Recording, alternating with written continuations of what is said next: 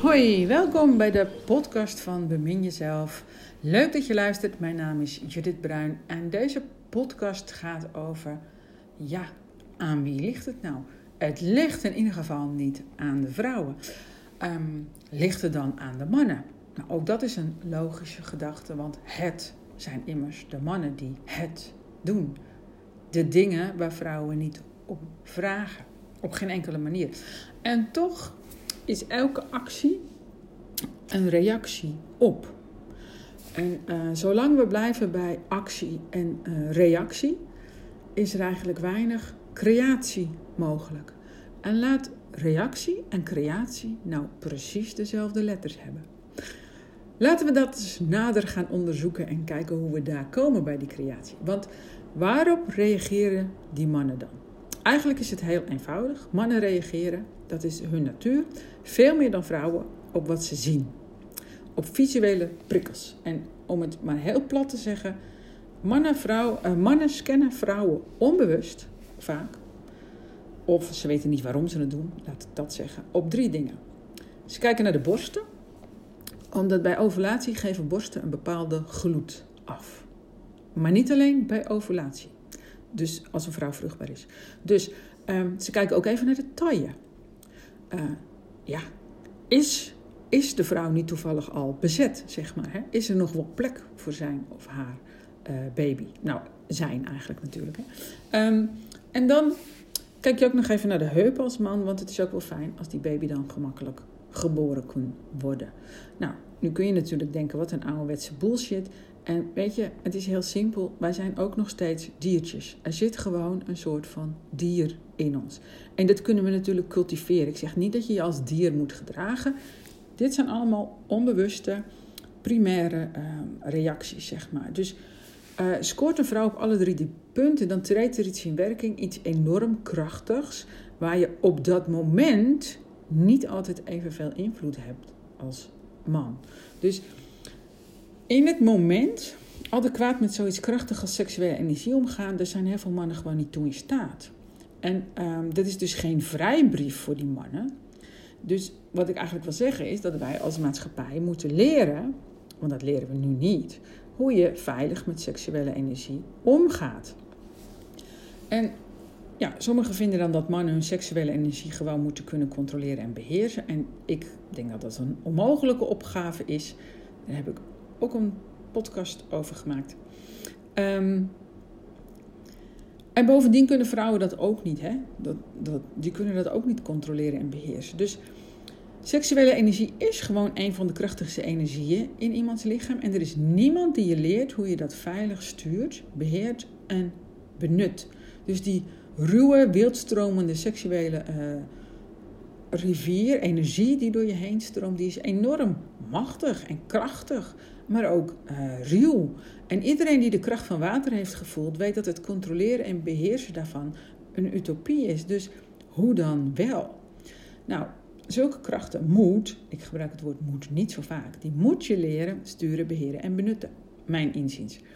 En, um, want er is niks mis met die rivier. Die rivier moet alleen binnen de oude oevers blijven. Dus jij bent verantwoordelijk voor de bedding, zodat je zelf de rivier kunt sturen, beheren en ervan kunt profiteren. Zowel de man als de vrouw. Dus waar het toe leidt bij mannen, dat is wel duidelijk. Dat staat bijna dagelijks in het nieuws. Uh, en bij vrouwen gebeurt er ook iets met ongeleide seksuele energie. Um, en uh, soms doen ze hetzelfde als mannen en gaan ze op jacht, zal ik maar zeggen. En dan lig je ineens bij de verkeerde in bed, of je bent ongewenst zwanger, of maakt niet uit. Uh, en, en soms heb je er heel veel plezier van, ook goed hè. Um, maar bij vrouwen gaat seksuele energie veel vaker ondergronds. Ook omdat veel vrouwen een soort van afstand van nemen. Die willen zich er helemaal niet zo graag mee verbinden. Die leven liever boven het middenrif Vooral als je niet zo geniet van seksualiteit, dan op een gegeven moment dan heb je daar gewoon genoeg van. Dan kap je dat af. Als je last hebt van pijn bij het vrije, minimaal 10% heeft het altijd, 30% regelmatig. Dan is het logisch dat je denkt, nou laat maar een beetje zitten. En dan gaat die seksuele energie ook een eigen leven leiden. Maar dat uitzicht dan, misschien gek genoeg, bij vrouwen heel vaak in een koopverslaving of in dwangmatigheden, uh, smetvrees, alles willen controleren, fobieën. Uh, niet zo gek als je bedenkt dat we seksuele wezens zijn, ontstaan uit seksuele energie. Dus als die seksuele energie niet vrij rondstroomt, maar dan ook nog gestuurd en beheerst en uh, beheert en uh, en, en daar mag je dus lekker van uh, genieten, van, dat mag je benutten.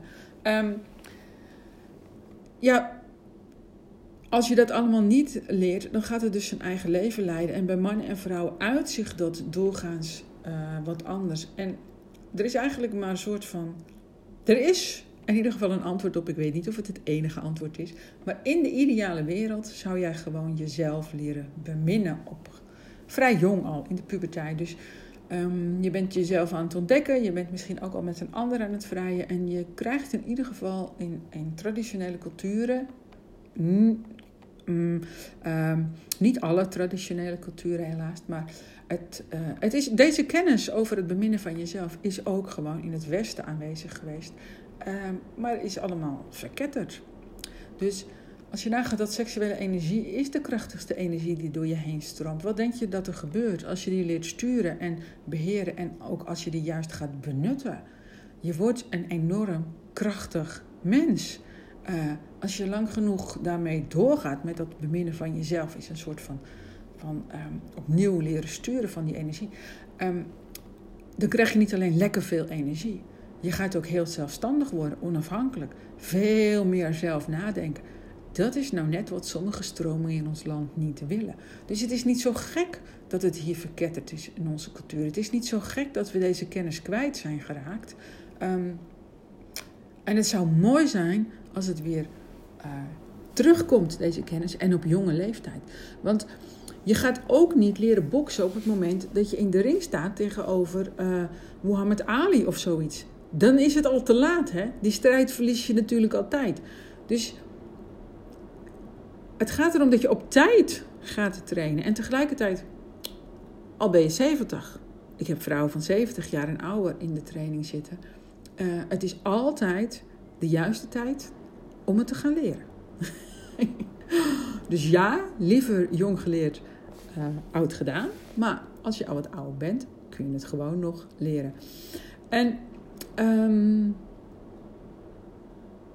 dan wordt de seks natuurlijk ook een stuk fijner. Want um, strijden tussen de sekses, dat heeft gewoon nog nooit geleid tot fijne seks. Misschien wel tot hele hete, geile, stomende seks, maar niet tot fijne, veilige seks. Waarin je je kunt ontspannen en je kunt overgeven aan dat wat is. Dat is dus niet hetzelfde als weggeven. Ik spreek vooral naar de dames nu. Dus um, als je je seksuele energie nou gewoon niet onderdrukt, en niet grenzeloos maakt, maar jezelf vrijwillig uh, begrenst, ja, dan ligt het dus niet aan de vrouwen, het ligt niet aan de mannen, het ligt aan ons samen. Wil je meer over weten? Kijk dan gewoon een keer naar een webinar www.beminjezelf.nl webinar. Bedankt voor het luisteren en bemin jezelf.